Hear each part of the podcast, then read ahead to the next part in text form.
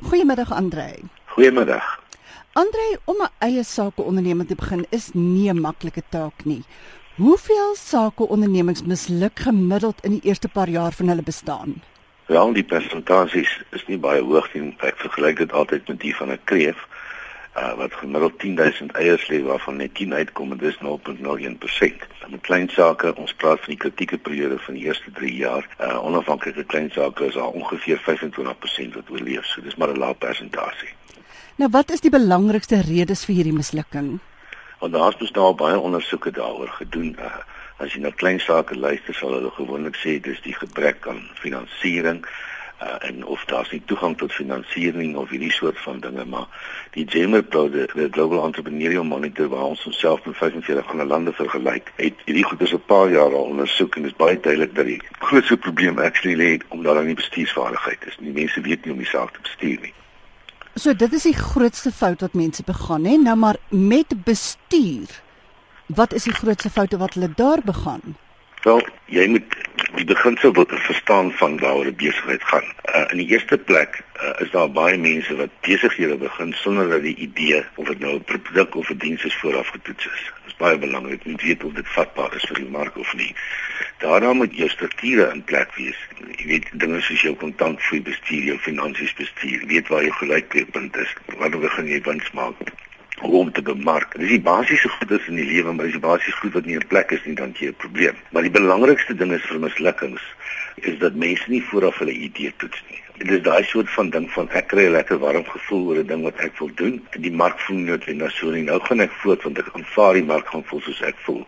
En ons skielik word ek onnigter by die markplek kom sien maar daar's nie reaksie van die mark af nie. Eerste en belangrikste ding is jou idee moet lewensvatbaar wees en jy gaan nie dit weet voor jy dit getoets is nie. So toets dit voor jy met 'n besigheid begin.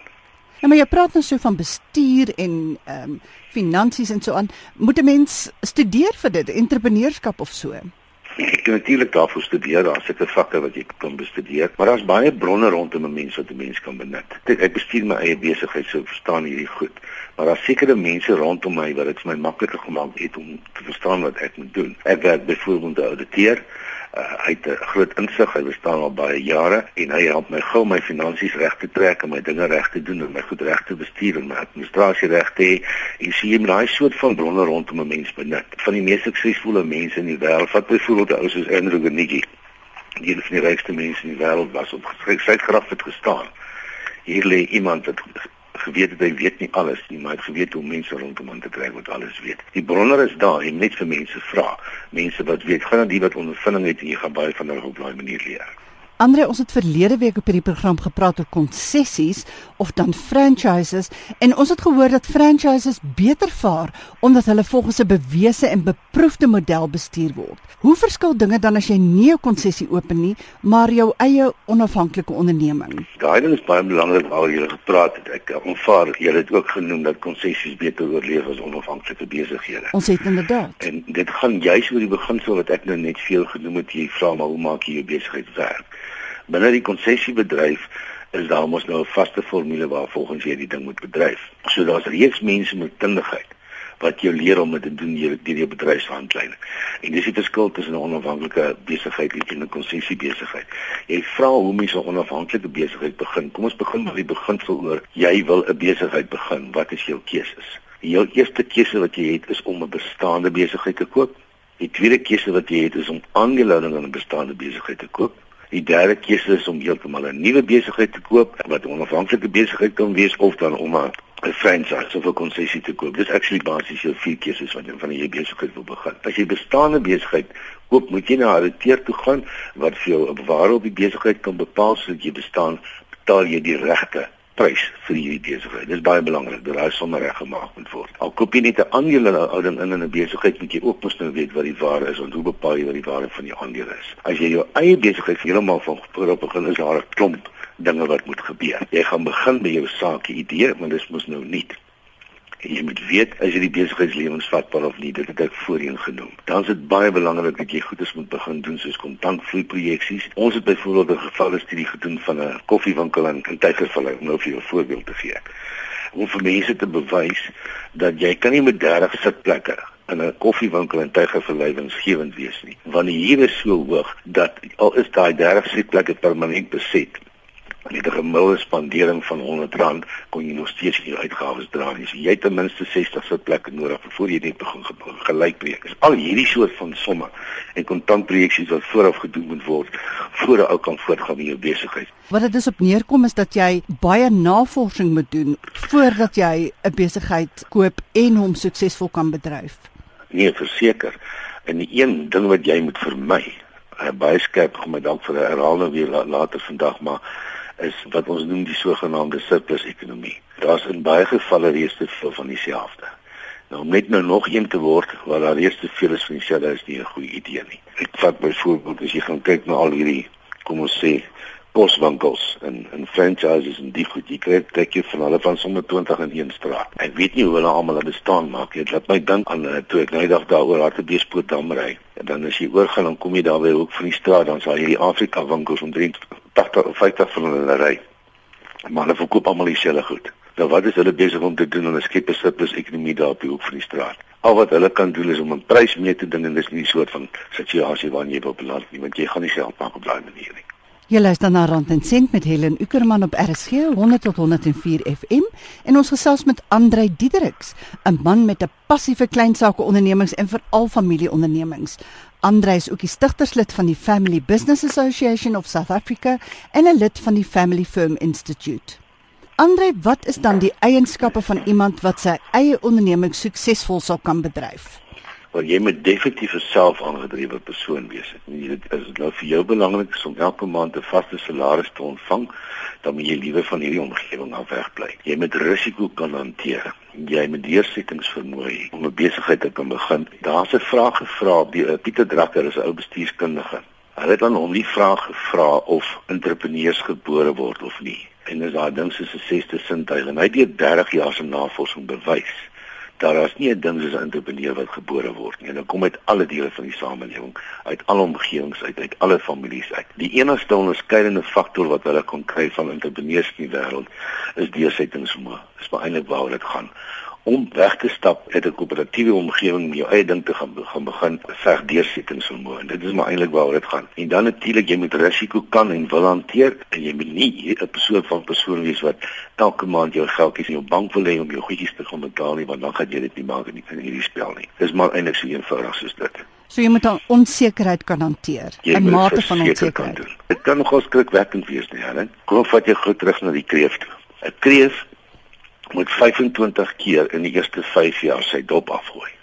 Want sy dop is so hard dat hy um, hy kan nie oorleef as hy hom nie afgooi nie. Nou kan jy dink hoe bang daai kreef is sonder 'n dop van is al wat hom beskerm. Want dis van al daai jy weet daai roofgedeeltes wil kom om te vreet want hy kan homself nie beskerm nie. En dis wat baie met klein sake begin of mense wat in hierdie omgewing in beweeg is, hulle gaan soos daai kreef waar hulle daai dop moet afgooi.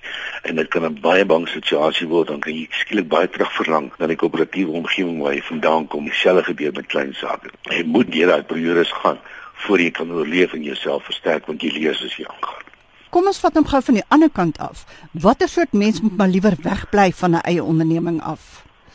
Die ene wat nie daai dop gaan afgooi nie, nie wat ja. te bang gewees om daai dop gaan afgooi. Kyk, nie almal is gemaak om 'n eie besigheid te bestuur nie, hoor. En as dit so was, het ons mos 'n ander probleem gehad, want ons almal 'n eie besigheid bestuur, wie is die mense wat gaan help om die besigheid te bestuur? Ja, wie gaan nou so, vir jou kom werk? Presies, ja. So jy ken die ou storie van Chief and Indians. Dis maar dit is. Daai entrepreneur moet beloon word vir die risiko wat hy neem, maar hy moet hom ook vergader met mense rondom hom wat vir salarisse werk maar wat sy besigheid versterk. So dis maar eintlik 'n dingetjie wat ons moet verstaan. Jy moet besluit wie jy in die lewe is. Is jy die ou wat daai ding begin of is jy die ou wat hou gaan help om daai ding te maak werk? So Andre, wat ek aflei is mens kan wel leer om 'n onderneming te bedryf en selfs om 'n entrepreneur te wees en dit is baie nou gekoppel aan die soort mens wat jy is. Maar dit is 'n verskriklike belangrike standpunt wat jy nou gemaak het. Want ons leer dit in natuur ook byvoorbeeld. Daar's 'n vraag gevra of entrepreneurs se sesde sintuig het. Nou die het mos supersensies soos ons dit noem, nee, meer as die 5.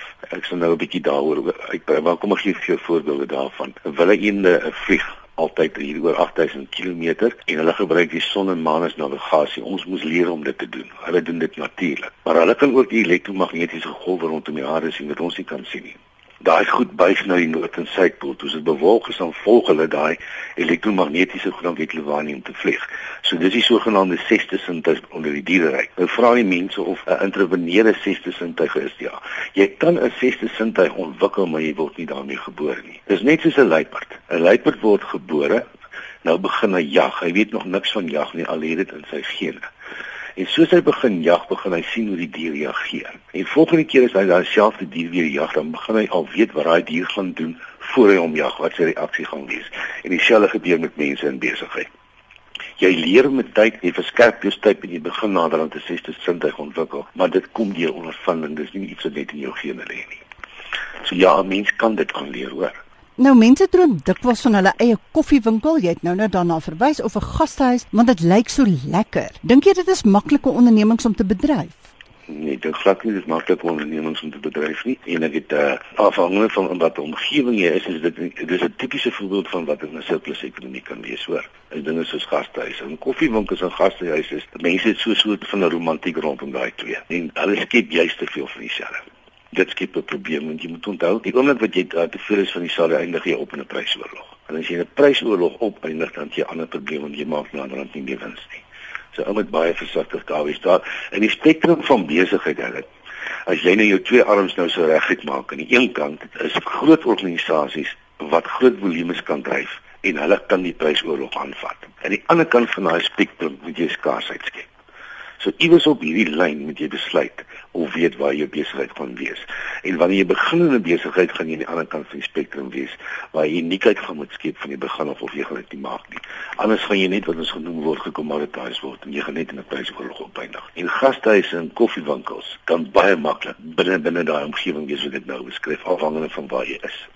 As daar nie veel kompetisie in die omgewing is rondom dit na se behoefte is 'n ander storie. As ek net baie keer so in die straat of deur die buurt ry, kan ek sien hoeveel huise en gastehuise verander en dan wonder ek hoe maak almal van hulle bestaan. Jy luister na Rand en Sent met Helen op RSG en ons gesels met Andrei Diedriks oor klein sake ondernemings. Kom ons skakel eens oor na San Marie Meyer van die Acorn Summit Gastehuis in Florida Rodepoort hier in Gauteng. Sy gaan vir ons vertel van haar ondervinding as 'n suksesvolle gastehuis eienaar. Om 'n gastehuis te begin en te bestuur, moet mens baie deursettingsvermoë hê. Mens moet regtig ehm um, jy moet regtig passievol wees. Jy moet met mense kan werk en jy moet weet dis 'n 24 uur bedryf. En jy moet kyk wat die behoeftes van jou kliënte is. So jy begin deur daarna te kyk en dan besluit jy gaan dit net 'n gastehuis wees of gaan jy ontbyt bedien? Gaan jy later aandetes beginne bedien? Is daar 'n behoefte in jou omgewing vir 'n konferensiefasiliteit en dan natuurlik ook vervoer van jou gaste. Die groot struikelblokke wat ons ondervind het was basies rompslomp langdradigheid van die munisipaliteite om al jou lisensies in werking te kry. Soos byvoorbeeld jou veiligheidslisensies, jou dranklisensies. Jou parkering moet byvoorbeeld uitgemerk word. Hulle moet dit kom goedkeur want dit moet volgens standaarde wees. So daar's baie klein goedertjies wat baie tydrowend is. Van daardie prosesse het baie vinnig gegaan van die prosesse soos byvoorbeeld jou dranklisensie is tydrowend verby. Ons het na 6 jaar nou eers 2 maande terug ons dranklisensie gekry. As ek 6 jaar gelede geweet het wat ek nou weet, sou ek dalk my marknavorsing bietjie meer gedoen het. Om jou eie besigheid te hê is regtig 24 uur. Jy het nooit privaat tyd vir jouself want jou selfoon is altyd aan. Jy moet hands-on wees. Ons kan op die oomblik aan ons 64 gaste huisves. Om jou eie gastehuis te begin, moenie net daarin dink om een of twee kamers te doen nie. Die werk bly dieselfde. Dit was dan San Marie Meyer van die Acorn Summit Gastehuis in Florida, Gauteng, en sy bestuur die onderneming in vennootskap met Philip Passon. Ons het nou gehoor wat San Marie sê van hoe lekker dit is om 'n gastehuis te bestuur, maar ook van die probleme wat hulle ondervind het met die verkry van lisensies. Hoe ja. maak 'n mens dan seker dat jou onderneming wettig bedryf word? Waarna moet 'n mens alles oplet? Kom ons maak dit nou baie eenvoudig vir die luisteraars. So daar's vier basiese wette wat besigheid bestuur in Suid-Afrika of reguleer. Die eerste een is jou maatskappye wet. Jy moet weet wat daar aangaan en ons soos ons weet is daar nuwe regulasies wat aangekom het van April 2011. So jy moet seker maak jy verstaan wat jou verantwoordelikheid is volgens die maatskappywet. Die tweede wet wat jy moet verstaan is die verbruikerswet. En daar is ook nuwe regulasies wat aangekom het in April 2011 van die verbruikerswet. So jy moet weet en verstaan wat is jou verantwoordelikheid as besigheid teenoor die verbruiker. Dan as jy mense in diens het, is dit natuurlik jou arbeidswetgewing jy moet dit verstaan. En dan die vierde natuurlik een waarvan almal die minste hou, maar wat ook belangrik is is jou inkomstebelastingwetgewing. Jy moet registreer by SARS en jy moet jou belasting doen volgens die voorskrifte van die land. So dis die vier basiese wette. Dan gaan die ding verder. Dan moet jy gaan kyk na wat daar nie wette is wat spesifiek jou industrie reguleer. Jy noem nou die voorbeeld van gastehuise. Daar's ander lisensies wat hulle weer moet bekom. So dit is verdere ding binne die wet wat jy moet toepas. As hulle byvoorbeeld drank ook so aan, aanhou daar, dan moet hulle 'n dranklisensie bekom. So hulle baie seker maak binne daai industrie waarin hulle is, naas gewoonlik 'n liggaam wat jou lei of van wie van wie jy lid word wat vir jou lei daardie ontwikkeling sodat sodat jy nou weet aan watter vereistes moet jy voldoen behalwe die vier basiese wette van die land. So dis 'n klomp dinge wat in plek moet kom nog voor jy jou besigheid begin. En ja, binne die stelsel kan jy baie keer sukkel om daai lisensie te bekom of jy administrasie stadig en jy moet sit en wag. Dit kan frustrerend wees, maar almal gaan maar daardeur. Hoe weet 'n mens of jou idee vir 'n eie onderneming geskik is vir jou? Hoe belangrik is vorige ondervinding byvoorbeeld van die soort onderneming wat jy beoog? Vir my, wanneer mense 'n besigheid wil begin, doen ek twee dinge. Die eerste vraag wat ek vra wanneer ek kliënte konsulteer, is is hierdie idee lewensvatbaar? Dis vraag nommer 1. Die tweede vraag wat ek myself vra, is die individu. Ek het hoeveel keer nou al gesien dat mense in besighede ingaan wat verband hou met goed waarvan hulle self nie eens hou nie. Ek meen kom ons vat byvoorbeeld nou 'n man hou nie van kos kook nie, glad nie. Nou gaan koop hy 'n koswinkel of hy begin 'n koswinkel dit maak nie sin nie. Dis nie sy passie nie. Dis nie deel van wie hy is nie en dit gaan nie oor die lang termyn oorleef nie. Daar's vier basiese kriteria wat ons gebruik. Of 'n paar kriteria om te bepaal of 'n besigheidsidee lewensvatbaar is of nie. Jy moet weet of hierdie ding op die lang termyn volhoubaar is. As jy byvoorbeeld kyk na 'n geleentheid, die geleentheid moet identifiseerbaar wees jy moet kan identifiseer wat hierdie geleentheid is wat jy doen. Die tweede plek moet hierdie geleentheid moet meetbaar wees want jy moet kan meet vooraf wat die potensiaal is van wat jy hier wil skep. Dit moet meetbaar wees. Jy moet dit in syfers kan uitwerk. Dan die geleentheid moet toeganklik wees. Hoe maklik of hoe moeilik is dit om toegang tot daai geleentheid te kry of daai geleentheid te skep sodat mense toegang tot daai geleentheid het? En dan is dit op die langtermyn lewensvatbaar. Dis die vier kriteria wat ons normaalweg gebruik voor jy besigheid begin om te toets of dit 'n goeie idee is of nie. Goed, nou die bestuur van enige onderneming behels noukeurige boekhouding. Maar almal is nou nie noodwendig goed met syfers nie. Is dit nou 'n ramp as jy jou eie besigheid wil begin? Nee, dis glad nie 'n ramp sê. Ek het my eie onderneming 3 jaar gelede begin. Die heel eerste ding wat ek gedoen het, is om met 'n boekhouer die mekaar te raak. Dis nie my kundigheid nie, dis die lus daarvoor nie. Ek gaan nie goed gaan met my besigheid as ek te doen nie, want daar's te veel administratiewe lomslomp. Ek hierdie rotlike volgende besluit ek betaal liewer 'n ou 'n fooi per maand wat hy daai ding hanteer want hy weet waar dit gaan. Ek wil nie daarmee werk nie. Dis my raad aan enige klein saak wat begin. Daai mense weet wat hulle doen en jy kry baie baie goeie raad ook daardeur.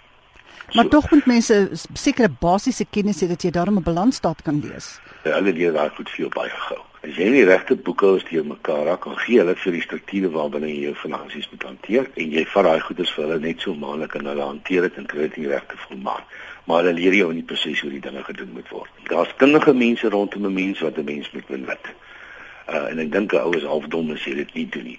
En die ouens staan daar altyd vas in hierdie fooi van 3 of 4 of 5 6 of 600 rand per maand wat hulle daarvoor moet betaal. Op die lang termyn gaan dit jou baie geld spaar want jy mense leer jou en lei jou deur die proses soos jy aangaan. Om 'n eie onderneming te begin is nou maar 'n duur storie, né? Nee. So, waar kry 'n mens finansiering en wat verwag banke of finansierders van 'n mens voordat hulle dit vir jou toestaan? Ja, verskillende banke of finansiers het verskillende reëls en almal dieselfde reëls oor hierdie soort van goederes nie, maar banke werk gewoonlik met wat mense noem gearing ratios, wat maar eintlik 'n verhouding is tussen die eie kapitaal wat jy in 'n besigheid sit en wat ons noem die vreemde kapitaal, met ander woorde die bank of wie ook al buite die organisasie vir jou help finansier. Daar's baie maniere hoe besighede begin. Baie mense se familie finansier baie keer 'n besige idee, dan word dit ook 'n soort van familiebesigheid die einde van die dag. Jy kan uh, na banke toe gaan. Banke gaan kyk na die saak idee. Dis ook 'n feit dat banke baie makliker franchises of konsessies finansier as wat hulle onafhanklike besighede finansier vir alles hulle weet wat 'n franchise is, is, is reeds suksesvol in die land. Raak dit baie makliker. Daai gearing ratio is nog 'n interessante ding. Die gemiddeld in die mark is die bank sal so 40% finansier jy met 60% finansier vir alles wat 'n ongewone of 'n nuwe sake idee is. Wat banke gaan doen wanneer hulle jou moet finansier, is hulle gaan nooit eenvoudig kyk of die besigheid die potensiaal het om hulle die geld wat jy moet terug te betaal te kan dien en jouself kan oorleef. Daar's natuurlik ook venture capitalists wat dit nie altyd so maklik om by hulle uit te kom nie, maar daar's regtig baie van hulle wat deesdae in die land ontstaan en lyk vir my baie van hulle werk met oorsese fondse wat klein sake wil bevorder in Suid-Afrika. Hulle het ander reëlings, dan kry jy byvoorbeeld soos business partners, hulle neem equity, sien maar 25% aandelehouding. Nou hulle het gewoonlik vir so 5 jaar en dan verwag hulle dan al 'n sekere dividend uit die besigheid terugkom om dit te kan doen. So ja, eintlik baie verskillende maniere waarop dit gedoen kan word. As jy nou pas ingeskakel het, jy luister na Rad en Sent op RSG 100 tot 104 FM. Ons praat met Andrei Diedericks oor kleinsaake ondernemings en hoe om dit te bestuur. 'n Sakeplan Andrei is uiters belangrik. Wat moet alles daarin staan?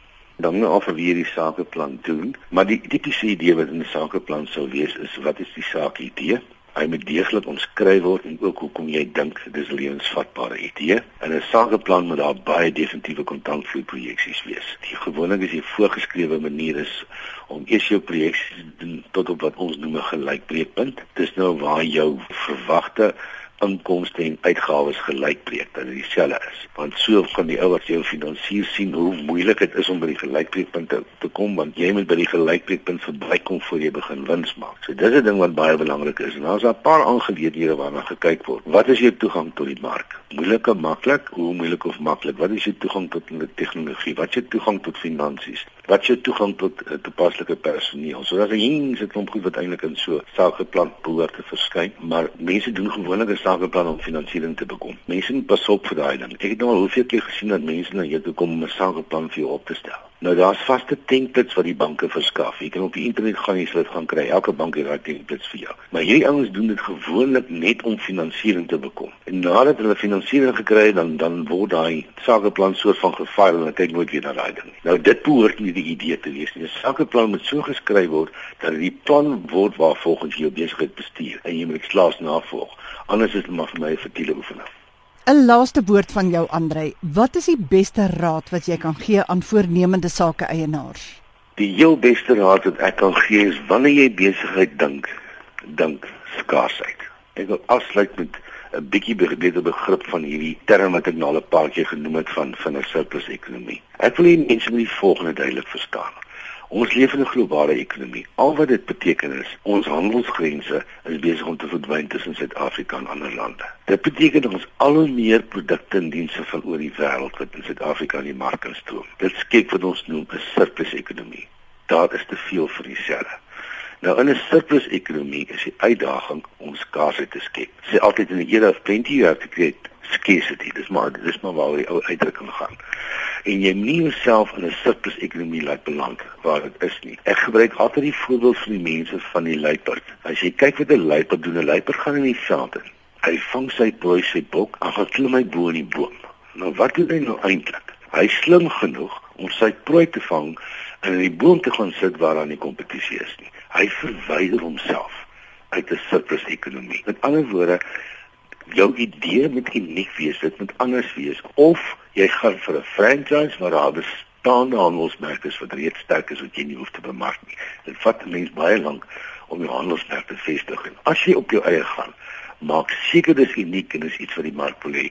Toets dit vooraf. Daar's 'n ou uitdrukking wat wat my ou professor vir ons geleer het wat gesê het, uh, ekskuus, hulle nou in Engels sê research and marketing is like sin and confession, nee. Uh, you can't do the one before the other jy sondig eers en dan vra jy vergifnis jy doen dit nie andersom nie. Dis maar eintlik waar besigheid ook gaan. Gaan doen jou huiswerk voor jy begin. Waar kan mense jou kontak of meer uitvind oor klein sake ondernemings? Het jy e-posadres of 'n webwerf wat hulle kan gaan kyk? Ja kom ons begin met my webwerf. Dit is maar my naam dis www Andre Diedericks. Onthou net daai Diedericks is met 'n H, nie met 'n K nie, soos die normale Diedericks nie, soos D I E D E R I C H is nie K is nie. .co.za. My e-posadres is awdiedericks, uh, weer met die H nie met 'n K nie, by mweb.co.za. En mense is welkom om my te skakel op by 082 4533288. Dit was dan Andre Diedericks wat met ons gepraat het oor klein sake ondernemings. Ek herhaal net gou weer die kontakbesonderhede. Sy webwerf www.andrediedericks en dit is Diedericks met 'n H, nie met 'n K nie. .co.za of mens kan e-pos aan hom stuur by awdiedericks@mweb.co.za of jy kan hom bel by 082 453 3288. Dit is 082 453 3288. Voor ons afsluit, onthou julle kan my ook volg op Twitter by @HelenUckerman of op Facebook by Rand en Sent Helen Uckerman. Vra gerus, vra op Twitter Facebook en ek sal dit voor die aankundiges in die bedryf en die antwoord dan die volgende Sondag op hierdie program uitsaai. As jy nie na die volle program kon luister nie, maar tog graag meer wil weet, kan jy hierdie program in MP3 formaat aflaai van RSG se webwerf rsg.co.za. Dit is dan Helen Uckerman wat groet. Dankie vir die saamluister en tot volgende Sondag.